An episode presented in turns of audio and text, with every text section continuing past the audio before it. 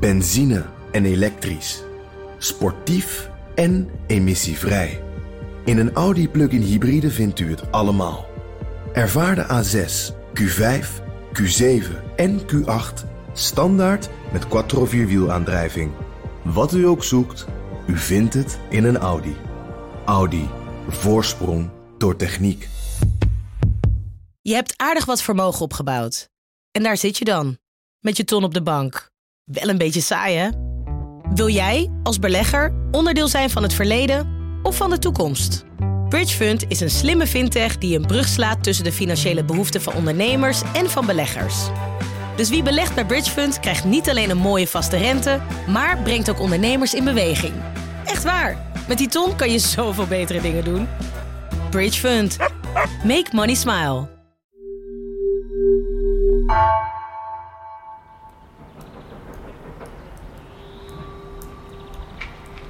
Tussen voetbalvelden en flats ligt een laag gebouw. Hans en ik lopen naar twee grote glazen schuifdeuren. Je mag hier niet zomaar naar binnen of naar buiten. Dus we moeten even wachten tot de tweede schuifdeur opent. Ja, ja, je kan er niet zomaar weg uitlopen. Aan de andere kant van het glas staat Eloy. Hij is de manager van het verpleeghuis. Ja, goedemorgen. Dag, ik ben Eloy. Ik ben Hans. Dag. Hubertus. Hallo. Ja.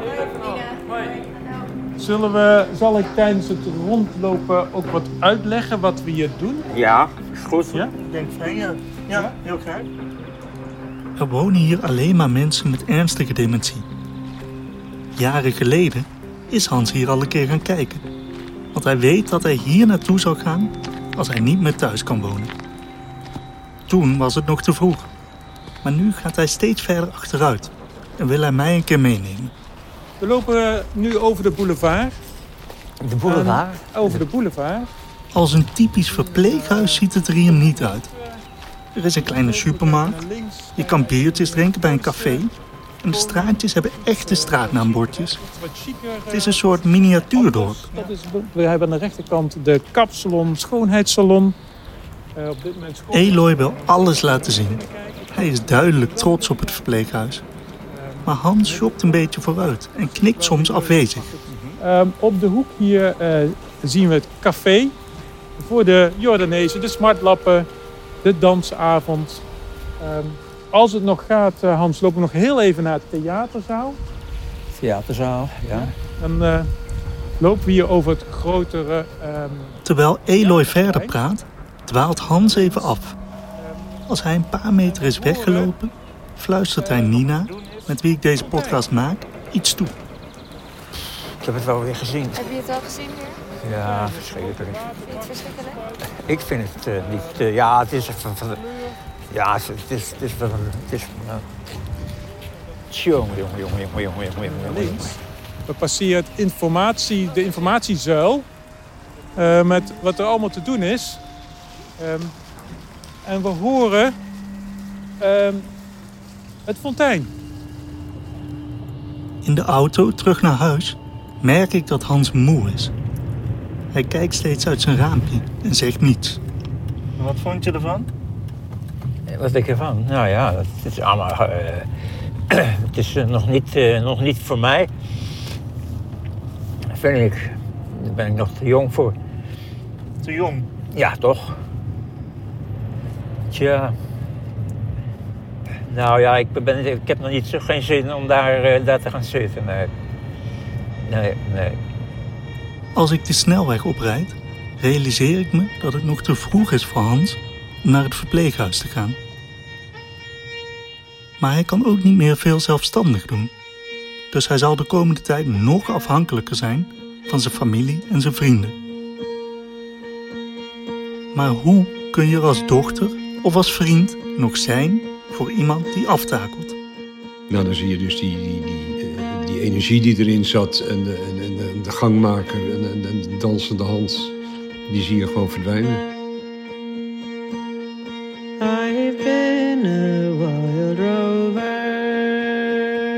Je luistert naar Hans, een podcast van NRC.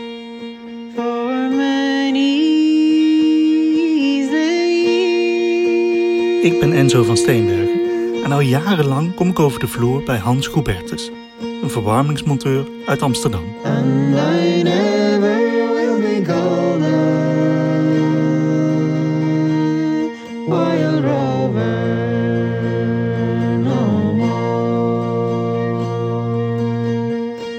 In vijf afleveringen volg ik Hans, zijn vrouw Ria, hun dochter Loes en hun vrienden.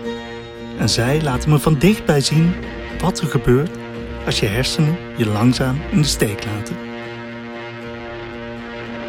Aflevering 3. Hoe vermaken we Hans? Ik ben op bezoek bij Jan en Agathe, die al heel lang bevriend zijn met Hans en Ria. We gaan zitten in de woonkamer van hun modern ingerichte appartement dat uitkijkt over het water. Als ik ze vertel over ons bezoek aan het verpleeghuis in Weesp, willen ze er alles over weten. Maar ik merk dat ze het moeilijk vinden dat hun vriend daar uiteindelijk gaat wonen. Dat is wel heel pijnlijk hoor, vind ik. Dat je daar dan zit te zitten omdat eh, het in het programma past. Want dat is het dan natuurlijk eigenlijk.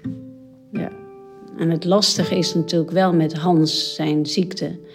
dat hem al zoveel afgenomen is... dat je ook eigenlijk niet weet wat je nog kan doen. En ja, het- dat moet enorm veel frustraties opleveren. Het lijkt mij. Je ziet het in andere bejaardentehuis. Mijn opa komt er maar mee. Gaat weer even lekker hier zitten. En dan ga je naar de opera luisteren. Terwijl je dat van je hele leven... Dat is het ergste wat je vindt. Dat je ook dat moet doen en zo. En, en dan... eh, och, ik stop er op tijd mee. Is dat goed? nee, dus dit nooit. Dat, dat, dat, dat is een... eh, Nee, ik zei het laatst ook zo. Als je, als je op een gegeven moment als je bedenkt dat iemand anders je kont, kont af moet af- afvegen. Ik, ik krijg helemaal de kriebels. Dus ik zou het nooit van mijn leven willen. Maar het staat Hans wel te wachten. Ja, dat, staat allemaal, dat gaat allemaal gebeuren. Ik vraag me af of ze Hans veel helpen, nu het nog te vroeg is voor het verpleeghuis en hij dus bijna altijd thuis zit. Ik zei laatst tegen Jan, ik vind dat je met Hans op pad moet gaan. Maar het is dus heel erg lastig. Daar hadden we het net over. Wat, wat kun je nog doen? Dus ik zei, zullen we het dan samen doen? Hè? Want dan ontlasten we elkaar ook. Maar ik vind dus eigenlijk dat je het wel zou moeten doen. Maar in die zin eh, heb ik wel het gevoel van... nou, we hebben goede dagen met hem gehad. Nu er minder goede dagen zijn, moeten we er ook zijn, vind ik. Ik vind het een soort van... eh, plicht. Klinkt een beetje erg Calvinistisch, maar zo is het wel een beetje. Van ja, we moeten nu ook zijn. Dus ik ben, ik ben wel op zoek naar een formule hoe dat, eh, hoe dat te doen. En dan ook vooral weer dat het fijn is voor Ria. Dat is ook een hele sterke drive voor mij. Dat ik denk van nou, dan heeft Ria een vrije dag. Hoe lullig het ook klinkt, maar dat komt er zeker bij.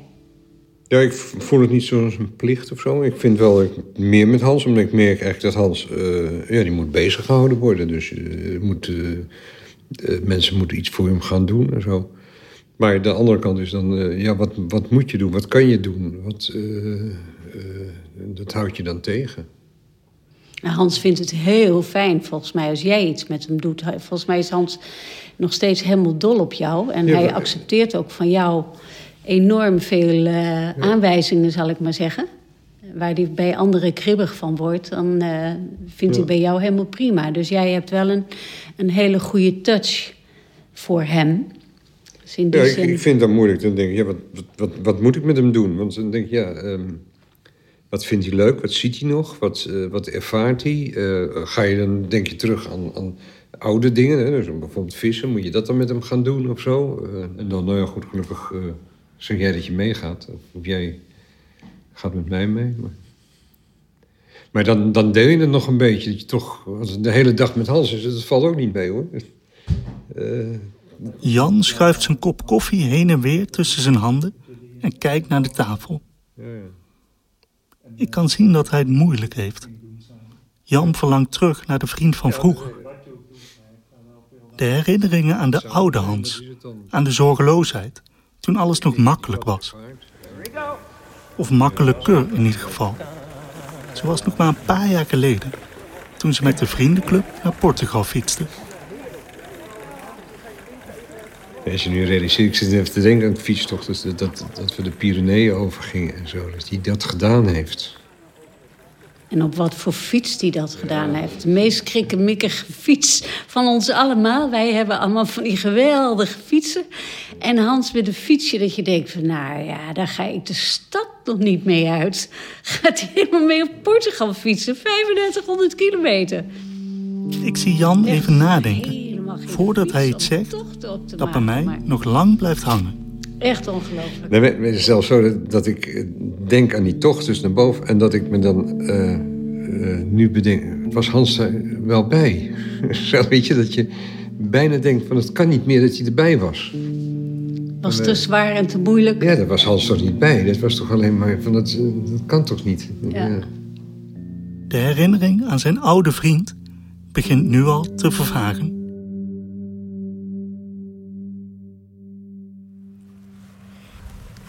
Een hele moderne bel. Met een klassiek geluid. Ja. Hallo, goedemorgen. Een hele warme dag. Ja, precies. Hi. Ik struikel bijna over een grote stapel bouwmateriaal als ik binnenstap in het huis van Loes, de dochter van Hans en Ria. Je schoof nog snel even wat spullen aan de kant. Oh ja, ik dacht, als kunnen jullie bijna de trap hier. Ze loopt met twee treden tegelijk de trap op. Helemaal naar boven? Ja. Er staan grote houten planken tegen de muur en overal ligt gereedschap. Loes is architect, net als haar moeder. Ze is dit huis zelf aan het bouwen, samen met haar vriend, die ook architect is. Hoi, Enzo. Hey Frank. Aangenaam. Loes en Frank zijn al jaren bezig met dit huis. Eerst was het een grote lege kavel. Een modderpoel eigenlijk. Maar nu staan we op de derde verdieping in een open ruimte met een hoog plafond. De zon schijnt door grote ramen op de houten muren. Nou, we staan in de woonkamer. Het is wel een beetje onze ja, mooiste plek van het huis waar we het blijst mee zijn. Ik probeerde al een hele tijd af te spreken met Loes, maar ze heeft het heel erg druk. Toen Hans net ziek was, ging ze elke week met hem koken. Maar dat lukt steeds minder vaak. Mijn hele leven stond in het teken van eh, dat huis bouwen. Het kostte gewoon eh, al onze tijd en energie om, eh, om hier te zijn voor het huis. Ja. Dus toen is het koken helaas even wat minder geworden. Toen, toen jullie het huis gingen bouwen, ben je je ouders toen veel minder gaan zien? Ja, dat was. Nou ja, ik heb me toen wel eens daar inderdaad wel schuldig over gevoeld. Dat ik dacht van ja, ik zou wel willen dat ik ze meer kon zien. Want hè, dat gun ik ze ook. En dat verdienen ze ook. Maar ja, het ging gewoon even niet. Als ik eh, alle tijd had, dan zou ik ook eh, wel vaker eh, op pad willen. om leuke dingen te gaan doen samen. Ja, dat vind ik zelf de, de, ja, het lastigste van hoe kunnen we nou zorgen dat en Ria de af en toe gewoon lekker de vrijheid heeft en Hans naar zijn zin heeft. En, en leuke dingen kan blijven doen dat hij ja, het ook naar zijn zin heeft. Ja. Hoe zou je dat nou, hoe doe je dat nou als, als dochter? Hoe kun je het goed doen? ja, dat weet ik ook niet. ik heb het antwoord niet. ja, ik weet niet of ik het goed doe, maar uiteindelijk denk ik dat het ook belangrijk is om jezelf te blijven. En ja, ik, eh, ja, je hebt ook je eigen leven op deze leeftijd. En eh, ik denk dat dat belangrijk is om dat ook te houden. Maar ja, je wil er wel zijn voor elkaar. En dat is fijn dat dat ook kan. Maar ja, ik denk, ja, sommige mensen nemen volledig de zorg op zich als kind eh, voor een ouder. Ik denk dat dat ook wel veel is, want dat betekent eigenlijk dat je heel veel andere dingen zou moeten laten. Heb je wel eens gedacht van misschien komt er een moment dat ik wel echt voor Hans moet gaan zorgen? Eh, ja, ik heb ook wel eens gedacht van eh, misschien moet ik er meer tijd voor vrijmaken. En dat blijft toch iets lastigs, omdat het leven heel druk is in onze tijd. Ik denk dat jullie dat ook wel kennen. en nu is het dan met het huis rustiger, maar dat betekent nog steeds niet dat ik opeens eh, heel veel tijd heb.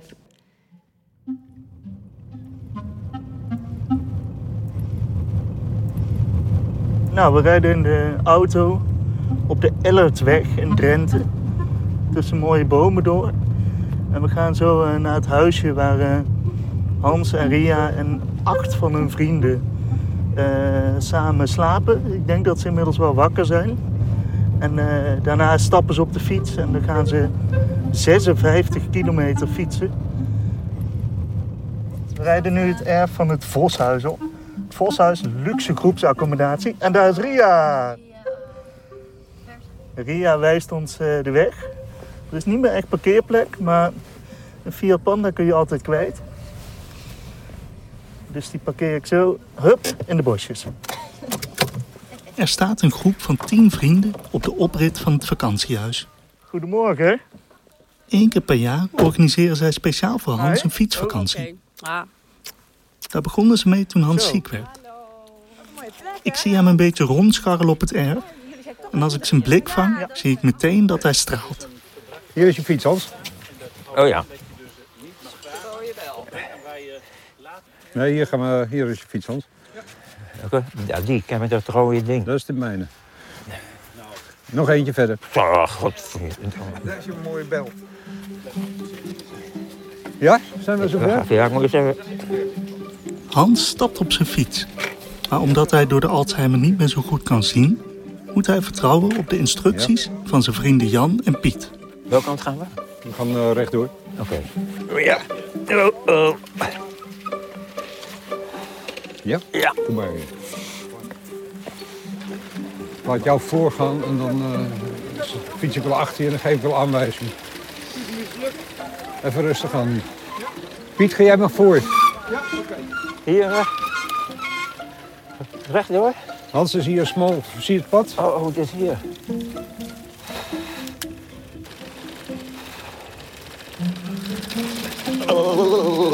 Gaan we een beetje aan de zijkant, ja. De.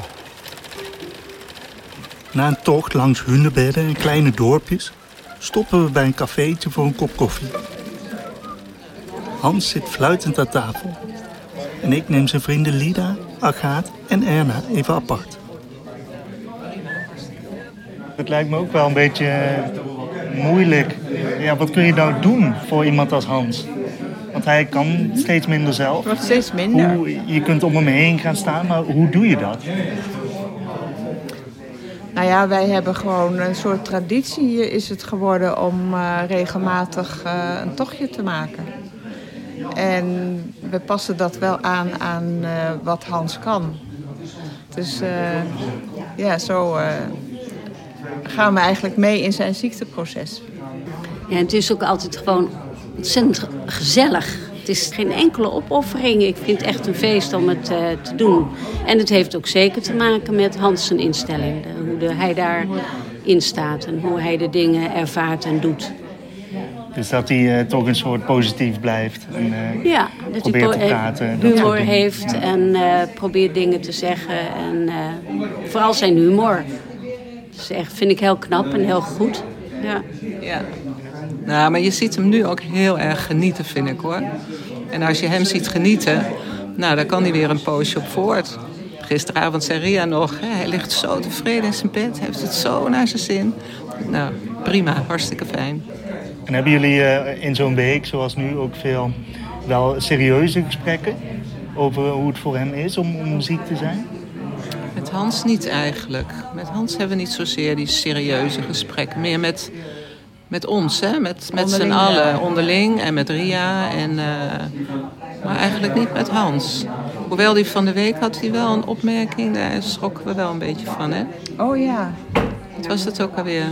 Over, Oh, toen vertelde Piet van als je koorts hebt, dan moet je niet gaan hardlopen. En zeker niet als Oh, je dan antibiotica hebt. En toen zei hij van nou, als ik dan koorts heb, moet ik zeker gaan hardlopen. Dus dat was wel even schrik. Ik krijg er nou nog kippenvel van, moet ik het zeggen. Ja. Dus, dus dat betekent dat hij gewoon wel met de dood bezig is. Maar eh, niet expliciet naar ons, eh, naar ons toe. Nee. Ook Hans zijn vrienden Jan en Piet schrokken van de opmerking.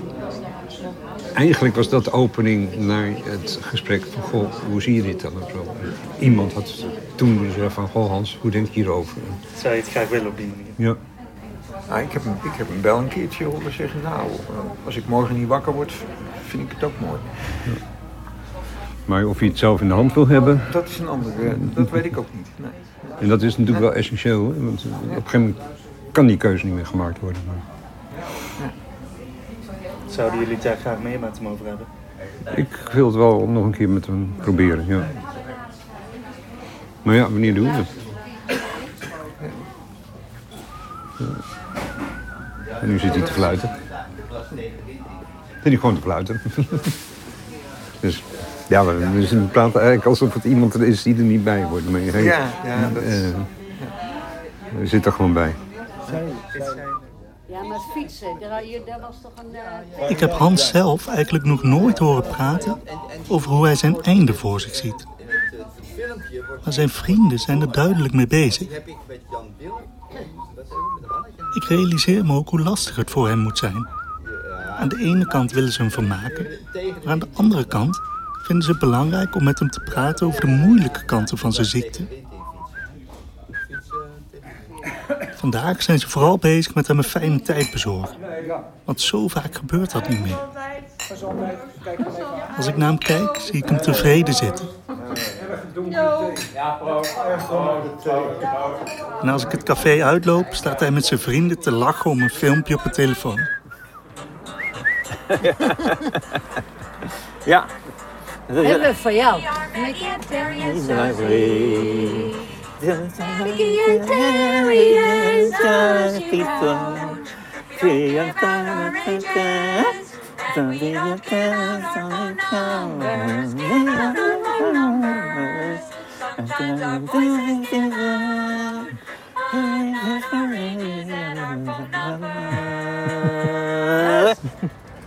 Stap maar op, Hans.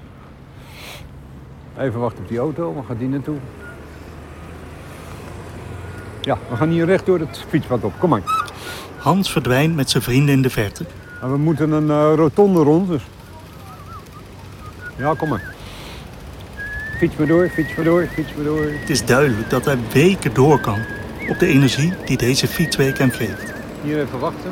Maar ik heb ook gemerkt dat iedereen de lastige gesprekken met hem een beetje uit de weg gaat. Jij voor, Piet? Al kunnen de moeilijke vragen over Hans zijn toekomst niet meer lang genegeerd worden. Ga maar voor, Piet. Ben je eenzaam verlaten?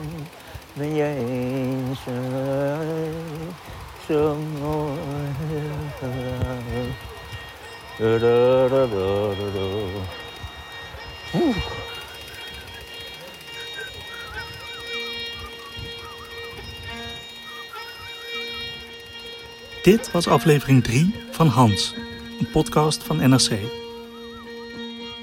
In de volgende aflevering vertelt Ria over het moment dat ze bij Hans doorvroeg over euthanasie. Ik zat een beetje bij hem door te vragen en eh, toen zei hij op een gegeven moment: "Oh, Wil jij het soms graag? Nou, toen ben ik zo geschrokken.